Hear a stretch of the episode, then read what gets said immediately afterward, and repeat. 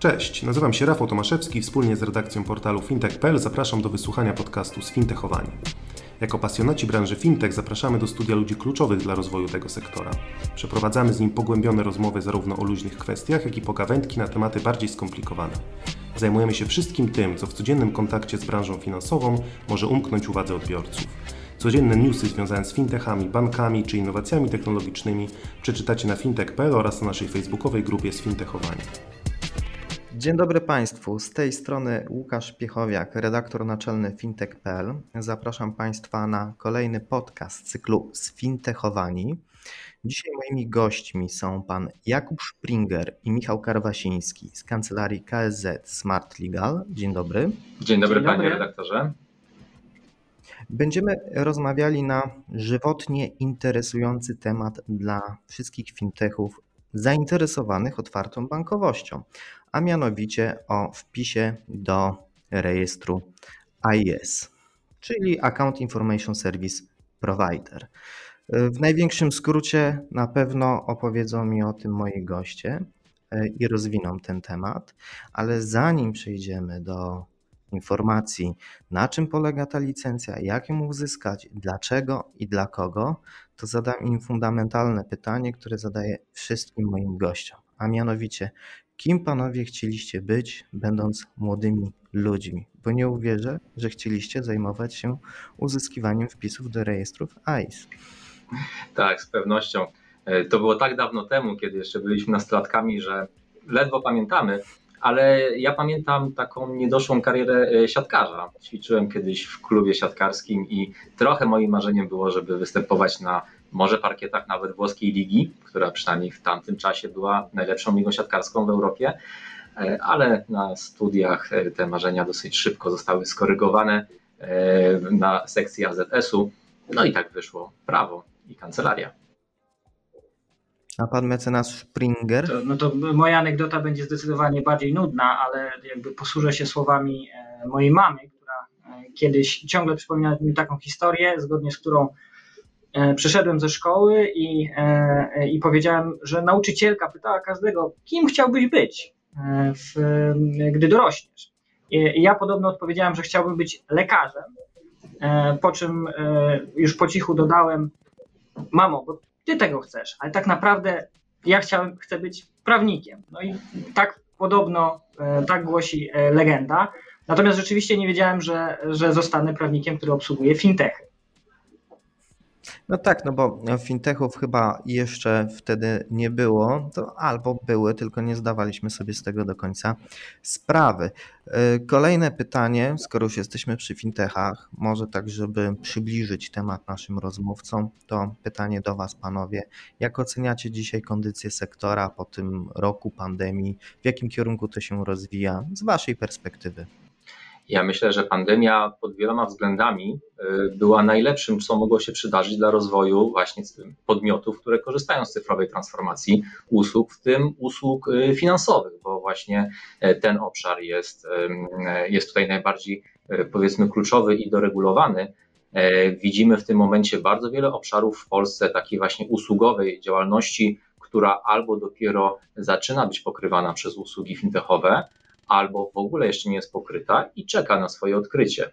Widzimy bardzo dużą integrację usług fintechowych z usługami e-commerce, z usługami typu LendTech, które wręcz opierają się właśnie na e, e, zagadnieniach fintechowych, ale także znacznie szerszych kwestii doradztwa inwestycyjnego czy integracji z algorytmami e, sztucznej inteligencji. Także ten obszar jest z pewnością bardzo wzrostowy, E, my także widzimy po ilości wniosków, które trafiają do KNF-u, ale też i klientów, którzy do nas zgłaszają się i są to zarówno startupy, które mają dopiero pomysł technologiczny, ale także i już rozwinięte firmy, które chcą świadczyć usługi w sposób nowatorski, w sposób e, no właśnie zgodny z tą cyfrową transformacją, e, zdalnie obsługując klientów prościej i szybciej. Dobrze, czyli możemy spodziewać się tego, że będzie nam ten rynek rósł i pandemia tak jakby wywołała wilka z lasu trochę. A skoro e, rynek nam rośnie, to też jest coraz więcej też pracy dla kancelarii prawnych. Ja mam takie pytanie, jeszcze będąc w temacie rozwoju i dynamiki sektora, co Waszym zdaniem jest takim najgorętszym tematem dla fintechów obecnie z perspektywy prawnej? E, oczywiście prawo nie funkcjonuje w oderwaniu od use case'ów e, biznesowych, więc e, to, na co my zwracamy szczególną uwagę na podstawie tego, z czym się stykamy, to jest integracja technologii z finansami. Przede wszystkim szukanie rozwiązań typu seamless, to w pandemii nabrało w sumie nowego znaczenia oraz skracania, skracania mm, drogi do pozyskiwania usług i produktów ze strony klienta. I właśnie fintechy są tym takim kanałem, który, który integruje rozwiązania technologiczno-finansowe. Dziękuję. No cóż nam pozostaje? Przechodzimy teraz do właściwego tematu naszej rozmowy, po tej inwokacji o sektorze fintech będziemy szczegółowo omawiali, czym jest wpis do rejestru AIS, czyli usługa dostępu do rachunku, zwykle bankowego, jak uzyskać taki wpis do rejestru. No, popularnie mówisz, że jest to licencja ICE, ale nie jest to licencja, tylko właśnie wpis do rejestru. Może dla e, zachowania porządku, jeżeli ja powiem, że to będzie licencja AIS, to prosiłbym panów mecenasów, żebyście mnie uporczywie nie poprawiali. Ja całe szczęście prawnikiem nie jestem. E, ale porozmawiamy o tym, dlaczego też tylko pięć podmiotów dzisiaj ma taką licencję i czy ta liczba się zmieni z Waszej oczywiście perspektywy. No dobrze, to na co zwrócić uwagę, przygotowując się do uzyskania takiego wpisu, albo gdy już dorośniemy jako fintech, startup, że taki wpis by nam się przydał?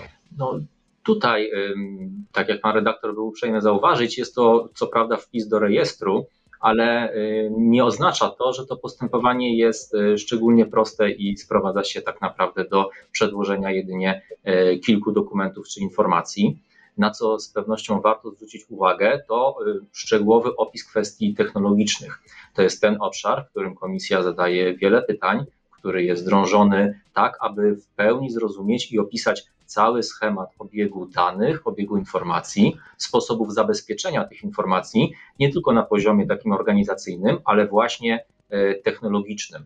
E, stąd jest to obszar kluczowy i powiedziałbym, że znaczną część czasu, które trwa właśnie postępowanie, e, obejmuje wyjaśnianie, przedstawianie i doprecyzowanie tych zagadnień. E, drugi taki obszar to system kontroli wewnętrznej. Przepisy, które regulują wpis do rejestru AIS, e, są bardzo skąpe. To jest tak naprawdę jeden czy dwa artykuły, do tego jest rozporządzenie, trochę wytycznych unijnych, Natomiast e, w praktyce e, ten system również musi być przemyślany, musi składać się z zasadniczych elementów, z kontroli wewnętrznej, audytu wewnętrznego, czyli powiedzmy w skali mikro, ale jednak kompleksowego takiego systemu kontroli wewnętrznej, który niemalże funkcjonuje w instytucjach finansowych. Do tego też przyzwyczajony jest e, KNF i czego poniekąd oczekuje na etapie postępowania o wpis do rejestru AIS. Czyli no, powiedzmy sobie szczerze, że y, nie da się e, znaleźć y, prostej instrukcji w internecie, jak tego wpisu dokonać. I każda firma jest inna, bo z tego wynika, że trzeba się też przygotować wewnętrznie, nie tylko pod względem formalnym, ale też podmiot musi być wewnętrznie przygotowany i dojrzały, żeby z takim mm, pomysłem e, rejestracyjnym w ogóle wystąpić. Czy dobrze Tak jest, tak jest. No, to, co jest kluczowe e, z punktu widzenia przygotowania się, e, to zdolność czytelnego nałożenia na siebie trzech warstw. E, finansowej, czyli jakby modelu biznesowego i przepływu finalnego środków pieniężnych, warstwy technologicznej, no bo umówmy się, akurat w AIS to w największym stopniu bezpieczeństwo danych się uzewnętrznia, e, uzewnętrznia, uzewnętrznia oraz kwestii stricte, stricte prawnych, takich chociażby jak dane osobowe, odpowiedzialność i właśnie odpowiedzialność. To jest taka kwestia, która wywołuje się przy każdym postępowaniu. To, co ICE musi dostarczyć, to szczególny rodzaj ubezpieczenia właśnie dedykowany dla jego rodzaju działalności. I nasze doświadczenia, dosyć bogate, jeżeli chodzi o rozmowy z ubezpieczycielami, są takie, że to jest obszar dopiero raczkujący i tak naprawdę do, dotarcie do, do podmiotu, który zaproponuje ubezpieczenie akceptowane przez urząd, nie jest takie łatwe. Czyli diabeł tkwi w szczegółach, te szczegóły są bardzo ważne, ale może też, bo skoro już jesteśmy na półmetku, to powiedzmy, jakie daje możliwości wpis do rejestru AIS, co w zasadzie uzyskuje podmiot fintechowy, który otrzyma mm, może nie przywilej, ale prawo do tego, żeby taką usługę świadczyć w Polsce. Czyli wady i zalety po prostu. Absolutnie. Y, y, działalność AIS jest jednym z elementów tej słynnej otwartej bankowości, y, czyli tej koncepcji, na której oparta jest dyrektywa e, PSD2 o usługach płatniczych, która w ogromnym uproszczeniu nakazuje bankom umożliwienie wpinania się ze swoimi usługami, ale także i oczywiście technologicznie właśnie przez podmioty trzecie, przez tak zwanych third party providers, którzy uzyskując dostęp do informacji bankowych, są w stanie świadczyć dalej usługi o charakterze właśnie takim fintechowym. AIS jest jedną z podstawowych tego typu usług. Dzięki niej y, istnieje możliwość uzyskania przez klienta za pośrednictwem takiego podmiotu szeroko rozumianych informacji o rachunku. I tutaj myśląc o informacjach o rachunku, pamiętajmy, że niekoniecznie mówimy tylko o jednym banku, o jednym koncie, ale właśnie o wszystkich rachunkach, być może wszystkich rachunkach, które posiada klient, o ile tylko e, dany dostawca usługi AIS jest wpięty w e, systemy bankowe tych wszystkich podmiotów. Dlatego to, co otrzymuje, to możliwość po pierwsze pozyskania danych, a następnie także być może we współpracy z innymi podmiotami, to w zależności od modelu biznesowego, ich obróbki, ich oceny, ich agregacji, tak zwanego labelowania, czyli no, przyporządkowywania pewnych wartości czy pewnych opisów poszczególnym naszym wydatkom albo przychodom. E, a tutaj już jest droga otwarta do szeregu usług, które w oparciu o taką usługę mogą być świadczone, jak chociażby ocena zdolności kredytowej takiego klienta, czy e, chociażby agregacja domowego budżetu. Oczywiście za zgodą osoby, której te dane dotyczą, bo to jest chyba też kluczowe w tym wypadku. Tak jest, tak jest. No i, i właśnie nie chcę mówić, znaczy mówienie o wadach jest, jest pewną podchwytliwością, ale przede wszystkim e, tego rodzaju e, działalność ma swoje także wyzwania e, prawne. W szczególności nigdy nie można zapomnieć o innych przepisach, które wymuszają swoje zastosowanie, a które są dosyć nieoczywiste dla tego rodzaju działalności, bo mówimy tylko o dostępie do danych. No i oczywiście, gdy mówimy o danych, myślimy RODO, E, ale e, pojawiają się inne obowiązki, jak na przykład AML-owe. Może nie ma przepływu e, tutaj środków pieniężnych. Są, jest, są regulacje prawne, wymogi chmurowe Komisji Nadzoru Finansowego, bo musimy pamiętać, że to także jest działalność. Panie, panie, panie Jakubie, to jest też interesujące, bo faktycznie przy AIS nie ma przepływu środków pieniężnych, ale wymogi AML istnieją. I e, to jest zagadka. E, tak, tak. No, ja myślę, że to jest temat na niejedną pracę doktorską, e, ale jeżeli można było powiedzieć w dwóch zdaniach, to nawet regulatorzy mają z tym wątpliwości. Już tylko na marginesie powiem, że w różnych krajach wygląda to różnie, mimo że licencja jest tak naprawdę paneuropejska, ale także swego czasu KNF z GIF-em także miały pewne rozbieżne tutaj mm, stanowiska, ale troszkę upraszczając. To, co wiemy, to to, że trzeba e, te przepisy stosować. No i co tu dużo mówić? No to już jest rola dla prawników, żeby to po prostu poukładać. Domyślam się, że specjalizacja w tej dziedzinie jest po prostu nieodzowna, bo jest to skomplikowany proces, a ja zadam też fundamentalne inne pytanie. No dobrze, a jestem fintechem i chciałbym mieć, e, wykonywać jakiś rodzaj usługi e, fintechowej, która wymaga rejestracji, pojawia się dylemat. ICE czy PIS? I co wtedy? No to są dwie y, zupełnie różne y, usługi pod względem swojej funkcjonalności, więc y, zapewne odpowiedź na to pytanie należy rozpocząć od drugiego pytania, a co dokładnie, na czym ta działalność ma e, polegać? O ile w przypadku działalności AIS mamy możliwość uzyskania ich agregacji informacji, które znajdują się na rachunkach, ale ma to charakter poniekąd bierny, po prostu ściągnięcia tej bazy danych i jej opracowania, o tyle w przypadku e, usług inicjowania płatności, no mamy tutaj. Czyli PIS. tutaj. Tak jest, czyli PIS, jak ją możemy właśnie określić. E, mamy już pewien aktywny element, czyli za pośrednictwem takiego podmiotu y, może zostać nadany impuls de facto do przelewu bankowego, czyli do e, rozpoczęcia e, płatności.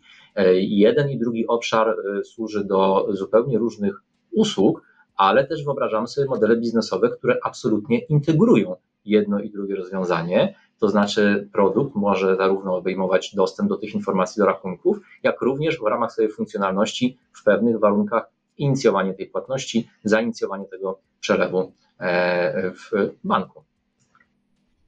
To pytanie było celowe, bo wiele fintechów w okresie swojego dynamicznego rozwoju dzisiaj twierdzi, że będzie zajmowało się wyłącznie taką usługą, a za pół roku okazuje się, że chciałyby jeszcze coś dodać i gorączkowo szukają rozwiązania albo partnera, który im to umożliwi. Więc tutaj chyba jest duża rola też y, kancelarii prawnej do tego, żeby y, dobrze, dobrze ten wywiad z podmiotem przeprowadzić, zastanowić się, jakie, jakie będzie on miał plany i zaproponować mu rozwiązania, które umożliwią mu rozwój e, w dalszym terminie. Dobrze, to skoro już mamy w miarę uporządkowaną wiedzę o tym, jak to działa w Polsce i do jakich usług może być to wykorzystane, to może zastanówmy się też nad tym, jak to zrobić, żeby tych mm, podmiotów e, może było po prostu więcej i z większym przekonaniem e, wychodziły z taką inicjatywą, żeby takie mm, na ten rynek e, wymiany informacji o rachunku, a w zasadzie dostępu do informacji o rachunku, żeby, żeby takie usługi świadczyć. Bo mimo wszystko otwarta bankowość, gdzie nie spojrzymy, to pomimo tego, że no, zdarzyło się, że wejście przepisów e, umożliwiających prowadzenie prac nad otwartą bankowością, wdrażanie nowych usług. Troszeczkę zbiegło się z pandemią, więc, e, więc może dzisiaj jakbyśmy to oceniali z tej perspektywy, to nie są one aż tak na zaawansowanym tym etapie, ale będą bo, y, bo to chyba nie ulega wątpliwościom. Więc co zrobić, żeby, y, żeby upowszechnić tego rodzaju podejście? Ja myślę, że to jest problem, który troszeczkę dotyka wszystkie y, obszary, gdzie mamy nowe regulacje. Pamiętajmy, że te przepisy i ta działalność to jest perspektywa ostatnich dwóch, trzech lat. I to są nowe rodzaje działalności, które zarówno no, rynek rozpoznaje, rozpoznaje możliwości ich wykorzystania w biznesie. Rozpoznają to też fundusze inwestycyjne wysokiego ryzyka, które inwestują w startupy, które właśnie taką działalność chcą rozpoczynać. Z drugiej strony mamy też regulatora, a w zasadzie nadzorcę, Urząd Komisji Nadzoru Finansowego, który także uczy się tych przepisów. I mówię to z całą odpowiedzialnością. Sam przez 3 lata byłem urzędnikiem Komisji Nadzoru Finansowego i pamiętam, że rynek traktował nas, urzędników, jako e, takich posiadających wiedzę objawioną, podczas gdy tak naprawdę jest to również wiedza wypracowana. Więc mamy pełne przekonanie, że z każdym kolejnym rokiem, po pierwsze, procesy e, uzyskiwania zgód czy wpisu do rejestru na prowadzenie działalności AIS czy każdej innej fintechowej działalności będą szły coraz sprawniej. To jest jakby pierwszy taki obszar, który identyfikujemy. Po drugie, chcielibyśmy też zasygnalizować program Innovation Hub w KNF-ie, który działa e, stosunkowo sprawnie i umożliwia także e, konsultacje takich innowacyjnych modeli biznesowych e, i wreszcie coraz większą taką familiarność, jeśli można z angielskiego troszeczkę to przełożyć na nasz polski język, właśnie inwestorów, tych inwestorów instytucjonalnych, którzy w funduszach typu venture capital właśnie zapewniają finansowanie czy kolejne rundy finansowania podmiotów prowadzących taką działalność. No to, to, to, rzeczywiście zbiega do tego, że prędzej czy później już ta wiedza ogółem i praktyka e, będą wypracowane i może też nawet bardziej rozwinięte i pewne rzeczy będą prostsze. No ale licencji EIS mamy 100, e, przepraszam 5, a MIP-ów mamy 100 ponad. Więc tutaj mamy spore dysproporcje. MIPy, czyli małe instytucje płatnicze, to jest takie krajowe u nas rozwiązanie. Mamy też krajowe instytucje płatnicze.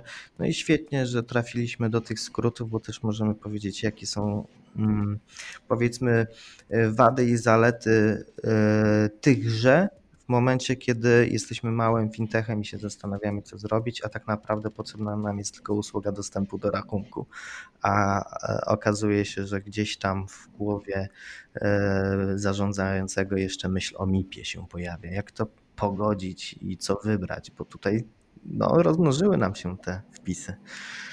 To prawda. Znaczy, pewnie nie ma jednej, jednego przepisu, bo tak jak sobie powiedzieliśmy, tych e, modeli biznesowych jest, jest bardzo dużo. Gdyby tak troszkę uprościć, to, to powiedziałbym coś takiego. Zaletą rozpoczęcia od ICE jest możliwość, e, o czym często się zapomina, mówiąc o zaletach tego rozwiązania, bardzo sprawnego wejścia do środowiska testowego API bankowego, bo już sam fakt złożenia wniosku pozwala na budowanie produktu równolegle z prowadzeniem postępowania, a jeszcze przed e, do, e, otrzymaniem e, wpisu. Czyli mówiąc krótko, mamy legalnego sandboxa, do którego dostęp zapewnia sama pieczątka złożenia wniosku. I na tym można także budować strategię e, budowania produktu razem e, w dyskusji z KNF.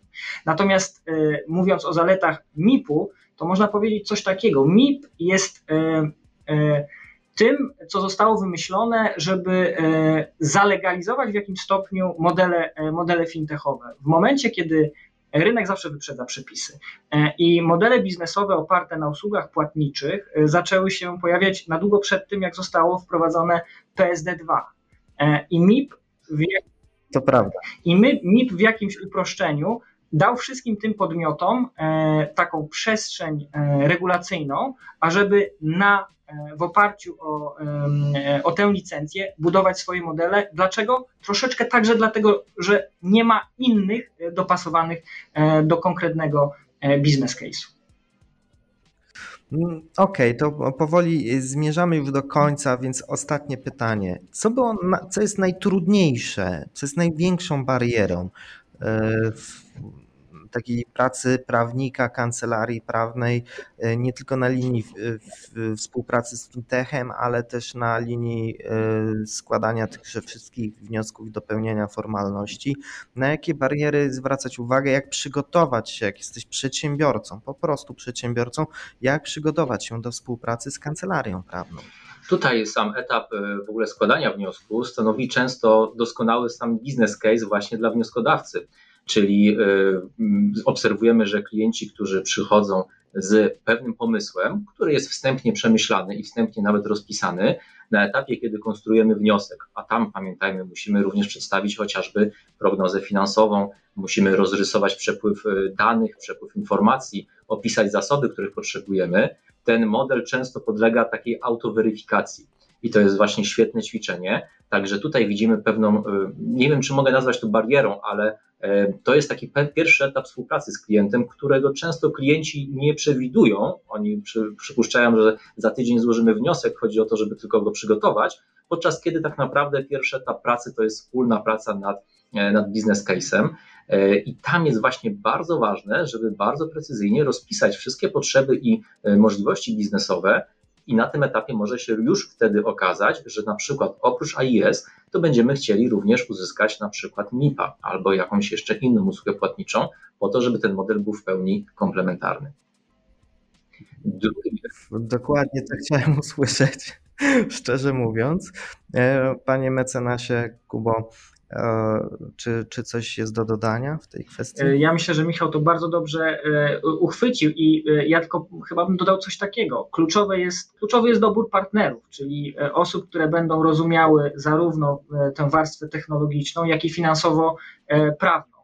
I no, mówiąc, mówiąc szczerze, no, prawnicy są bardzo ważnym komponentem tego procesu.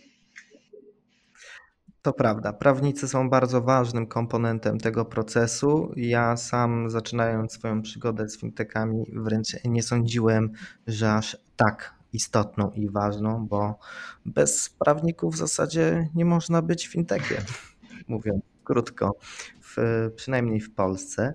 Dziękuję Państwu za tą rozmowę. Mam nadzieję, tę rozmowę. Mam nadzieję, że e, wiele się dowiedzieliśmy, dowiedzieliśmy na temat e, AIS.